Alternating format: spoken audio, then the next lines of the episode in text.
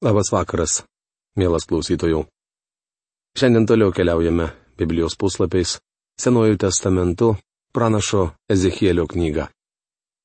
Priminsiu, kad praėjusioje laidoje mes pradėjome nagrinėti antrąjį bei trečiąjį skyrius. Nuo antros skyriaus pirmos iki šeštos eilutės mes su jumis apžvelgėme pranašo pašaukimą ir įgalinimą tarnauti. Nuo trečios skyriaus pirmos iki keturioliktos eilutės, žvelgiame į pranašo parengimą. Šiandien po maldos laidą pradėsime nagrinėdami sargybinio pareigas. Dangiškasis tėve, mes dėkojame, kad ir vėl šį vakarą galime išgirsti tave prabylantį šventojo rašto puslapiais į mūsų širdis. Prašome, kad tavo dvasia atneštų mums taip reikalingą suvokimą tų žodžių, kurie apreikšti mums Ezekėlio knygoje.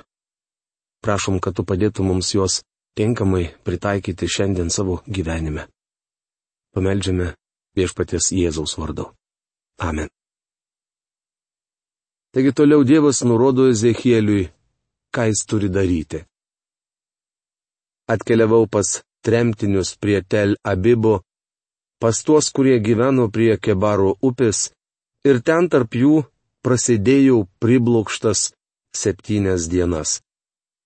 Praslinkus septynioms dienoms mane pasiekė viešpaties žodis. Žmogau, paskiriau tave Izraelio namų sargybiniu. Kai tik išgirsi iš mano lūpų žodį, mano vardu juos perspėsi. Jei sakysiu nedoriliui, tu tikrai mirsi. Bet tu jo neperspėsi, nekalbėsi, įdant įspėtum nedorėlį grėžtis nuo savo nedoro kelio, kad liktų gyvas. Tai jis, nedorėlis, mirs dėl savo kalties. Ir tavo ranka bus atsakinga už jo kraują. Bet jei perspėsi nedorėlį, o jis negryž iš savo nedorumo ir savo nedoro kelio, tai jis mirs dėl savo paties kalties, o tu būsi išgelbėjęs savo gyvastį. Ezechielio knygos trečios skyriaus 15-19 eilutės. Dievas liepia Ezechieliui eiti sargybinio pareigas ir įspėti jo tautą.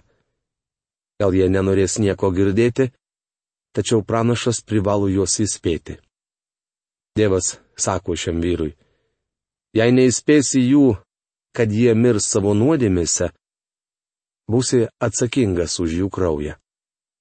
Tačiau jei įspėsi ir jie toliau maištaus, nepalikdami savo nedoro kelio ir mirs savo nuodėmėse, tu nebūsi dėl to kaltas. Bičiuli, aš užjaučiu tarnautojus, kurie neskelbė Dievo žodžio.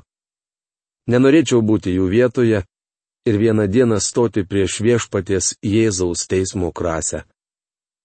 Žmogui išmanančiam Dievo žodį turėtų užtekti vidinės drąsos jį skelbti. Tokia buvo Ezechelio atsakomybė. Dievas išsirinko tinkamą žmogų. Jis buvo kietas, kaip Hikorijos riešutas. Senovės pasaulyje, kai miestus juosdavo sienos, sargybiniai atlikdavo labai svarbę funkciją. Sutemus miesto vartai būdavo uždaromi. Tuomet sargybiniai užlipdavo ant miesto sienos ir būdėdavo tenai visą ilgą tamsią naktį. Jų įgudusios akys prasiskverbdavo į tirštą tamsą, o išlavintos ausys pagaudavo kiekvieną garselį. Sargybiniai klausydavosi, ar nesertina priešas. Dievo žodėje daug kalbama apie sargybinius. Izaijo knygos 62 skyriaus šeštoje eilutėje skaitome. Ant tavo mūrų Jeruzalę pastačiau sargybinius. Niekuomet, nei dieną, nei naktyje nenurims. O štai 127 psalmės pirmoje eilutėje sakoma. Jei viešpats nestato namų, veltui triūsia tie, kurie juos stato. Jei viešpats nesaugo miesto, veltui būdi sargai. Hebrajų sargybiniai keisdavosi tris kartus per naktį. Tai yra buvo trys naktinės sargybos pamainos. Nuo sutemų maždaug iki vidurnakčio, nuo vidurnakčio iki pirmųjų gaidžių, maždaug antros trečios valandos, ir nuo pirmųjų gaidžių iki aušros. Ryto sargybinis pasirodydavo su aušra. Taigi naktis būdavo dalinama į keturias sargybas. Mums gali atrodyti, kad sargybinė yra tik senovės reliktas. Galbūt kas nors pasakys, kad civilizacijos priešaušryje jie gerai atliko savo vaidmenį, bet šiandien yra nebereikalingi. Visgi pasirodo, jog sargybiniai būtini ir šiandien. Kaip kitaip pavadintumėte policininkus, ištisą naktį patruliuojančius miesto gatvėse, Aš asmeniškai manau, kad jie turėtų susilaukti didesnės visuomenės paramos ir didesnio pripažinimo. Mums dėrėtų palaikyti tvarkos sergėtojus. Žinau, kad kai kurie iš jų nėra tokie, kokie turėtų būti, tačiau mes privalome gerbti jų darbą ir būti dėkingi už tai, kad jie saugo mus nakties metu. Tik bijau, kad jei mes ir toliau leisime savivaliai plisti. Vieną dieną net policija nebegalės mums padėti. Izaijo knygoje sakoma, kad sargybinis, kurio pečius lėgė didelė atsakomybė, turėjo būti labai akylas. Jis privalėjo pastebėti tamsoje priešą. Šiandien tarnautojas turi būti savo bendruomenės sargas įspėjantis apie grėsintį pavojų. Tai jo atsakomybė. Arba jei teisusis nusigręš nuo teisumo ir elgsis nedurai, kai aš suteiksiu jam progą nusidėti, tai jis mirs. Kadangi tu jo neįspėjai, jis mirs dėl savo paties kalties. Teisumo darbai, kuriuos jis padarė, nebus atsimenami ir tavo ranka bus atsakinga už jo kraują. Ezechielio knygos trečios skyriaus dvidešimta eilutė. Kai kas šią eilutę grindžia teiginį, kad tikintysis gali prarasti malonę. Brangus bičiuli, tokio mokymo Dievo žodėje nerasite. Posakis prarasti malonę vartojamas tik laiško Galatams penktos skyriaus ketvirtoje eilutėje tačiau ten kalbama ne apie išgelbėjimą, o apie tuos, kurie išgelbėti malonę, grįžo prie įstatymų ir užuot gyvenę malonę, stengiasi gyventi įstatymu. Laiškė Galatams mokoma, jog mes esame išgelbėti malonę ir turime ją gyventi. Ezekėlis gyveno įstatymo laikais. Apie jo gyvenimą liudijo teisumo darbai. Įprastomis aplinkybėmis jo teisumo darbai galėjo atrodyti labai girtini. Tačiau sunkia valanda šis vyras galėjo nusigręžti nuo Dievo ir tokiu būdu neišvengti teismo. Neturėtume manyti, kad jis buvo kažkada išgelbėtas ir to gana. Skaitydami toliau pamatysime, kad pranašas buvo išmėgintas ir gyvenimo pabaigoje paaiškėjo, ar jis yra Dievo vaikas ar ne. Mes su jumis gyvename malonės epochoje, kuomet teisumas įgyjamas kiek kitaip. Mes nuteisinami tikėjimu į Jėzų Kristų. Išgelbstimi malonę per tikėjimą. Laiško romiečiams ketvirtos skyriaus penktoje eilutėje mums sakoma o tam, kuris nedirba, bet tiki tuo, kuris nuteisina bedievį. Teisumu įskaitomas jo tikėjimas. Šiandien tikras tikintysis gali nusidėti. Tačiau niekada nedarys to apgalvotai ir negyvens nuodėmėje. Pirmojono laiško trečios skyriaus devintoje eilutėje parašyta.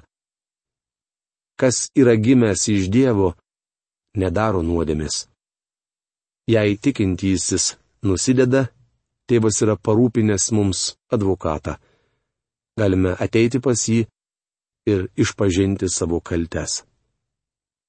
Ezekėlio knygoje netiek akcentuojama šio vyro gyvensena įstatymo valdžioje, kiek sargybinio atsakomybė.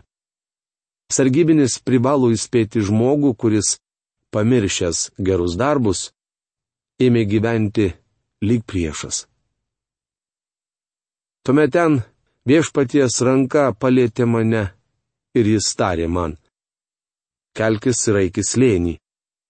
Tenai kalbėsiuosi su tavimi. Ezekėlio knygos trečios skyriaus 22 eilutė.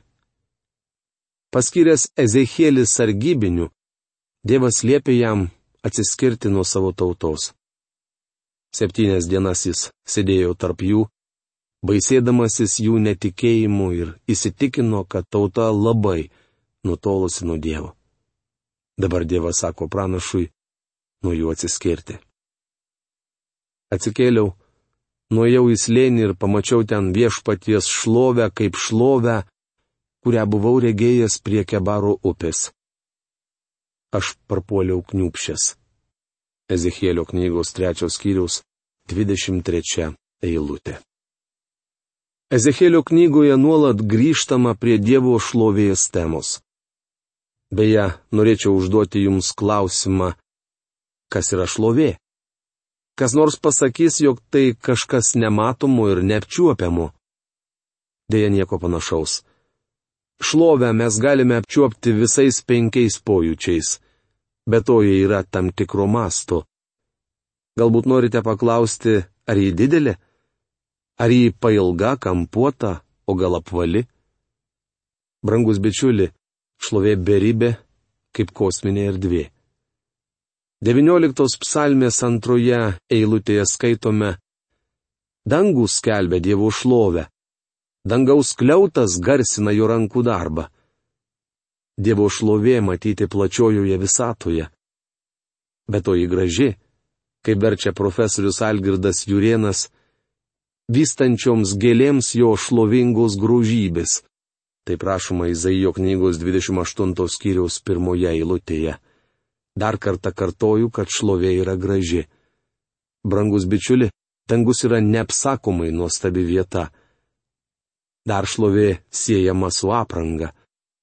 Izaijo knygos 63 skyriaus pirmoje eilutėje skaitome, jog viešpas buvo apsirengęs ištaigingais rūbais. Verčia Kostas Burbulys. Jis apsivilkęs puošnų drabužį. Bet o šlovė dar susijusi su didybė. Aštuntos psalmės antra eilutė skelbia. Viešpatie mūsų Dieve, koks nuostabus tavo vardas visoje žemėje. Savo didingumu apdengiai dangaus aukštybės. Tai Dievo didybė ryški ir skaisti, brangi ir tyra.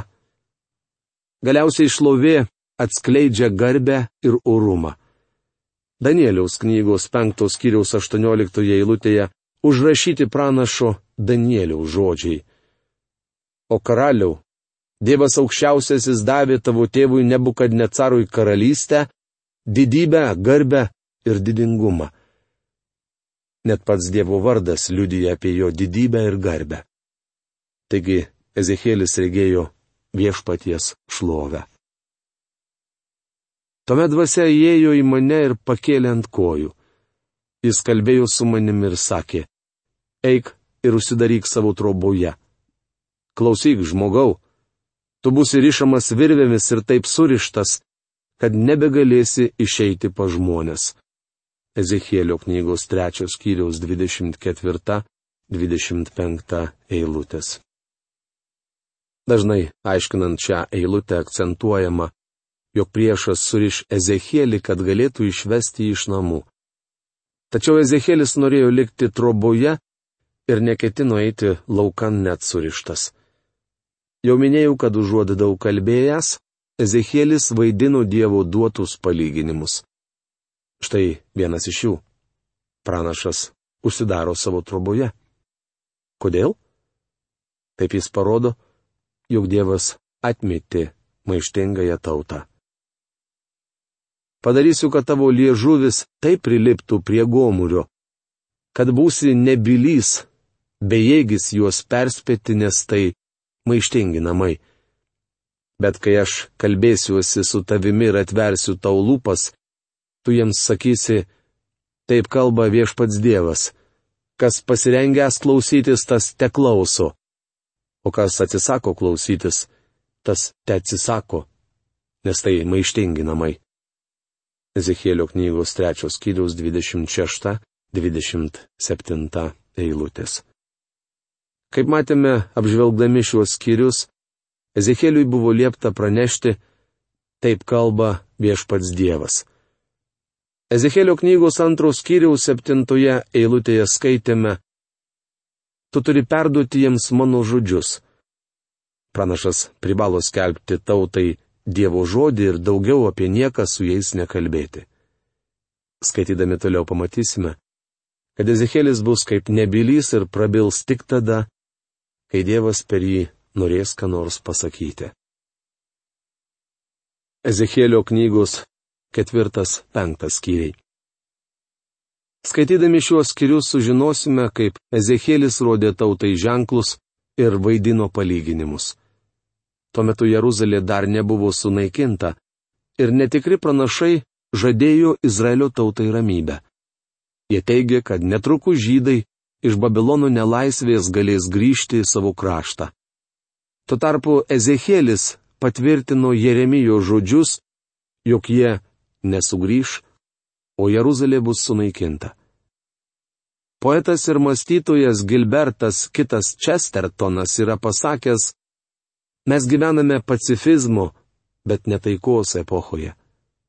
Žmonijos istorija mena 15 tūkstančių karų ir 8 tūkstančius taikos sutarčių. Atkreipkite dėmesį, kad per 6 tūkstančių metų istorinį laikotarpį tikra taika ilgiausiai yra trukusi gal 2 ar 3 šimtmečius. Reikia pasakyti, kad žmogus yra karinga būtybė, tačiau toks apibūdinimas daugeliui nepriimtinas. Pirmo laiško tesalonikiečiams penktos kiriaus trečioje eilutėje Paulius rašo. Kai žmonės kalbės, gyvename ramiai ir saugiai. Juos ir ištiks netikėtas žlugimas, tartum gimdymo skausmai nešia moterį ir jie niekur nepabėgs.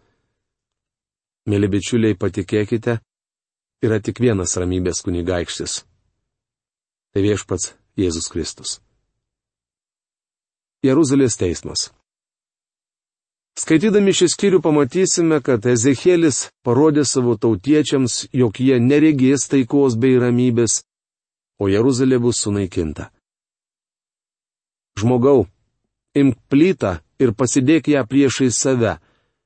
Nusibražyk ant jos miestą - Jeruzalę. Ezekėlio knygos ketvirtos skyriaus pirmą eilutę. Kaip žinote, anuomet plytos atstojo popierių. Babiloniečiai rašydavo ant molio plytų ir vėliau jas saugodavo. Tokių aprašinėtų plytų rasta labai daug. Jos beveik kvadratinės maždaug 35 cm ilgio ir 30 cm pločio. Ezekėlis ant plytos turėjo nupiešti Jeruzalės miestą. Beje, nežinau, kaip jis tai padarė. Po to pranašas tą plytą turėjo sudaužyti ir tokiu būdu parodyti savo tautiečiams, jog Jeruzalė bus sunaikinta. Tuomet pasimk geležies skardą ir pastatyk ją kaip geležies sieną tarp savęs ir miesto. Atsigręžk veidų į jį ir te būna jis apgultas. Ryštingai tesk jo apgulą tai ženklas Izraelio namams. Ezekėlio knygos ketvirtos skyriaus trečia eilutė.